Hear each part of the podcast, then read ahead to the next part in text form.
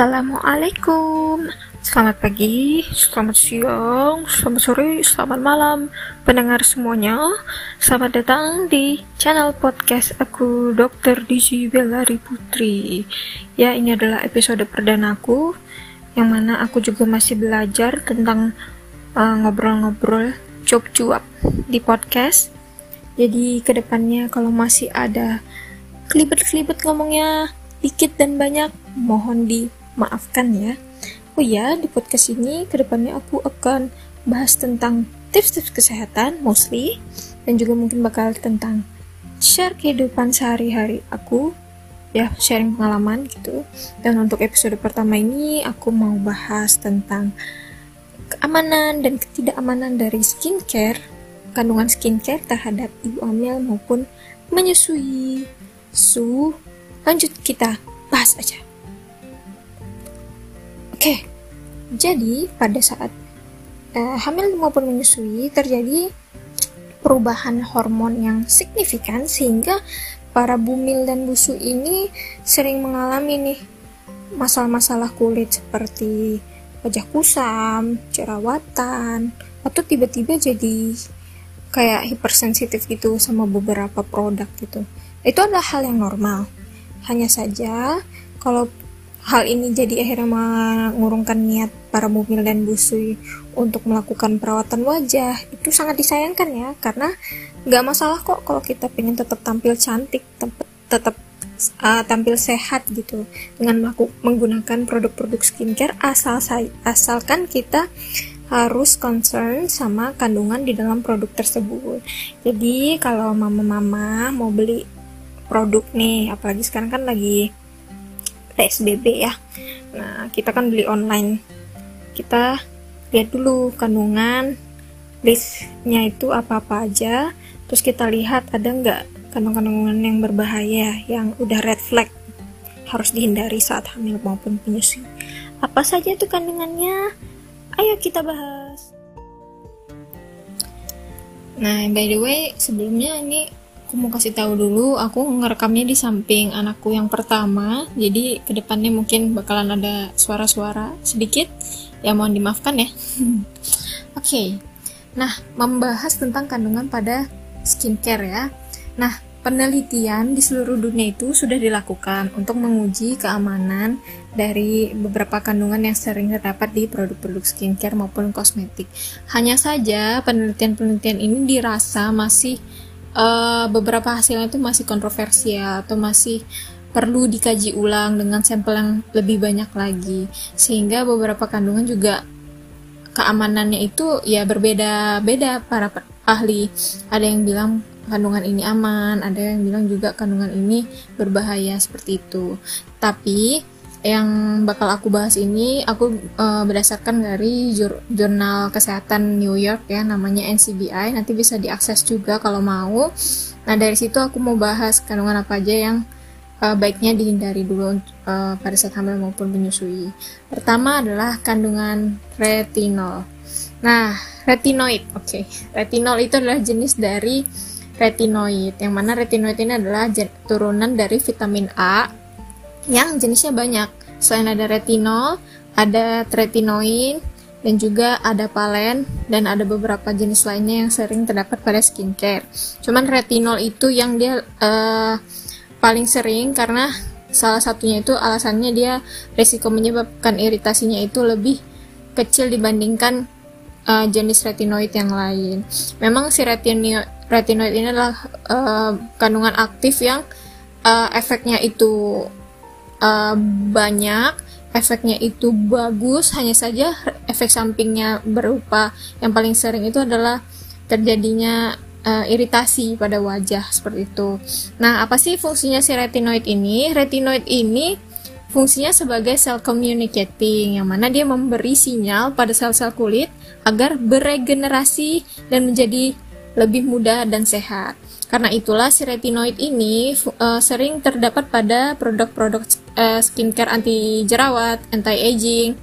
Uh, eh, ya dua itu yang paling sering ya anti jerawat maupun anti, anti aging karena fungsinya itu tadi yang benar-benar bisa untuk mem, mem, gimana ya untuk bisa mengatasi masalah-masalah yang terjadi pada saat uh, jerawat jerawat maupun pada penuaan. Itu hanya saja ada penelitian yang mengatakan uh, bahwa ada empat laporan kasus penggu empat laporan kasus yang menyatakan bahwa si kandungan retinoid ini bila digunakan pada ibu hamil bisa menyebabkan resiko terjadinya uh, retinoid embriopati. Embriopati adalah uh, kelainan ya, kelainan atau gangguan perkembangan janin. Kalau retinoid embriopati berarti gangguan perkembangan janin yang dihubungkan akibat penggunaan retinoid. Oleh karena itu, karena uh, walaupun ada penelitian juga yang mengatakan uh, sebenarnya retinoid ini bisa digunakan saat hamil maupun menyusui, uh, disarankan untuk dihindari dulu, jangan dulu sampai selesai menyusui seperti itu. Next, kandungan hidroquinon. Nah, hidroquinon ini dia fungsinya sebagai agen uh, skin lightening ya. Mana kerjanya? menghambat kerja dari enzim tirosinase. Enzim tirosinase ini menghasilkan pigmen sehingga dia memicu terjadinya hiperpigmentasi. Kalau digunakan hidroquinon, berarti bisa dicegah lah hiperpigmentasi tadi.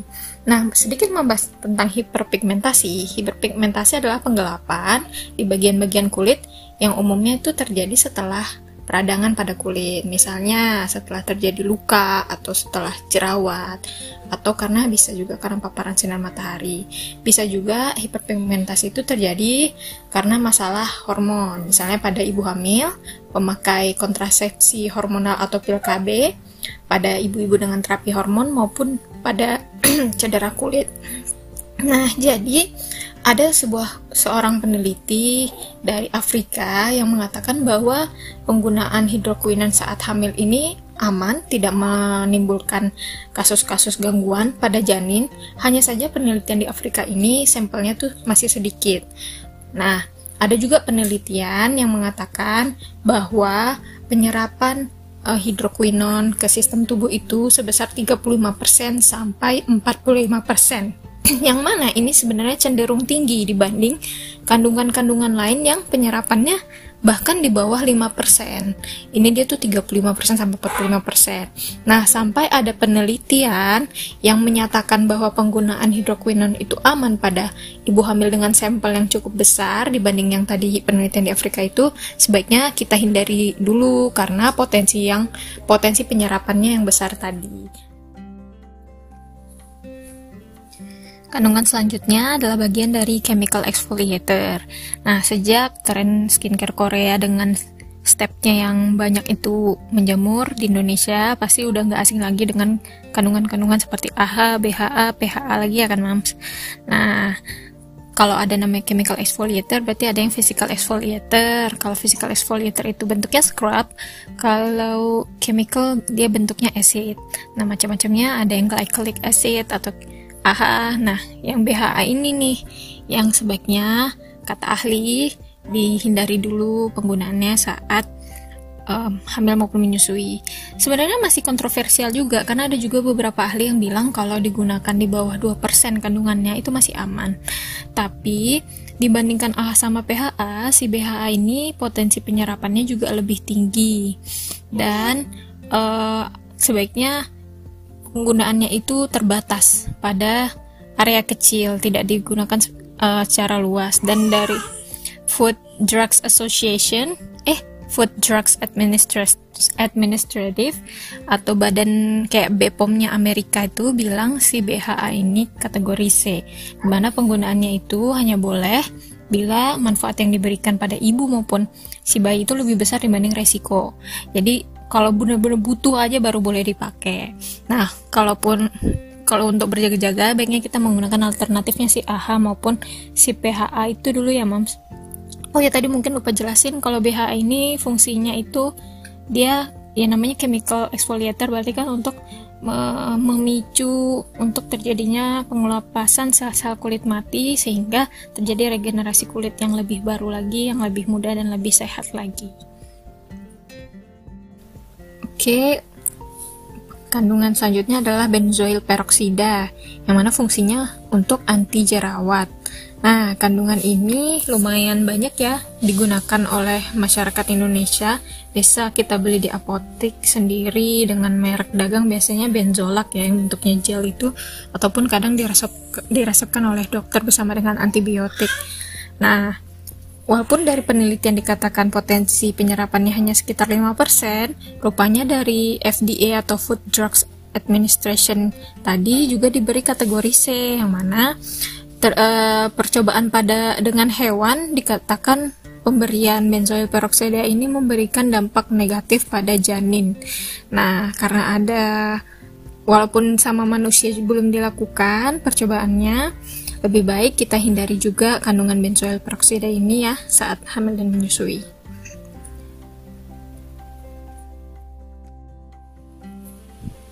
Next, kandungan yang bernama paraben. Nah, paraben ini cukup sering digunakan di berbagai produk tidak hanya pada skincare, uh, untuk wajah, namun juga pada body care dan juga obat-obatan. Nah, paraben ini fungsinya untuk mencegah pertumbuhan bakteri serta jamur yang mana bisa menyebabkan produk mudah rusak. Jadi istilahnya si paraben ini pengawet lah buat uh, produk-produk kecantikan maupun produk farmasi. Nah, ada seorang peneliti dari British Health Institution uh, mengemukakan bahwa terjadi uh, peng penggunaan paraben pada saat ibu hamil itu bisa menyebabkan resiko terjadinya obesitas pada janin yang dikandungnya. Nah, mengapa? Jadi diketahui e, ternyata seorang peneliti e, mengetahui cara kerjanya si paraben itu mirip dengan cara kerja hormon dalam tubuh kita yaitu hormon estrogen. Dengan e, menggunakan paraben dengan komposisi yang berlebihan dan sering dengan pemakaian yang luas itu bisa menyebabkan uh, tubuh kita tuh jadi mendapatkan seperti stimulasi hormon, hormon estrogen. Padahal dia uh, bukan dari hormon, melainkan dari kerjanya si paraben ini. Nah, sebenarnya juga ada peneliti yang bilang bahwa penggunaan paraben itu uh, sebenarnya aman. Lagi-lagi ya, beda-beda pendapat itu ada di antara para ahli. Hanya saja tetap para ahli-ahli kecantikan itu bilang selama hamil maupun menyusui itu sebaiknya kita menggunakan produk-produk yang paraben free demi kesehatan uh, anak kita. Dan yang terakhir kandungan yang mau aku bahas bernama petalat petalates petalet. Gimana sih bacanya? Bingung. Pokoknya gitu. Petalet. Tulisannya P H T H A L A T E. Petalet yang mana dia adalah bahan kimia yang digunakan untuk melunakkan produk plastik atau istilahnya itu plasticizer pada produk-produk kecantikan, bisa juga pada perabotan, banyak pada produk sehari-hari dia terkandung si phthalate ini. Nah, ini dia tuh bisa berbahaya karena ada beberapa ada penelitian yang mengatakan dia bisa berisiko menyebabkan kanker payudara, dapat menghambat hormon, dan juga dapat menyebabkan kerusakan pada sistem reproduksi. Karena lagi-lagi kerjanya juga meniru seperti kerja hormon dalam tubuh kita. Nah, karena resiko penyebab uh, macam-macam penyakit tadi itu juga bisa berbahaya kita gunakan saat hamil maupun menyusui. Karena uh, karena itu banyak produk-produk kosmetik, skincare yang sudah mulai uh, menghilangkan kandungan ini dari produknya. Walaupun uh, masih ada juga yang menggunakan karena dia biasanya pada produk lotion, parfum, hairspray, deodoran maupun kutek. Jadi lagi-lagi kalau kita mau beli sebuah produk, jangan lupa kita lihat list ingredientsnya. Ada nggak dari kandungan-kandungan yang telah saya paparkan tadi uh, terdapat di produk itu. Nah, daripada walaupun tadi ada juga yang mengatakan, "Wah, kandungan ini sebenarnya aman kok." Tapi ya namanya kita lagi hamil atau kita menyusui itu kan kita pasti ingin memberikan yang terbaik.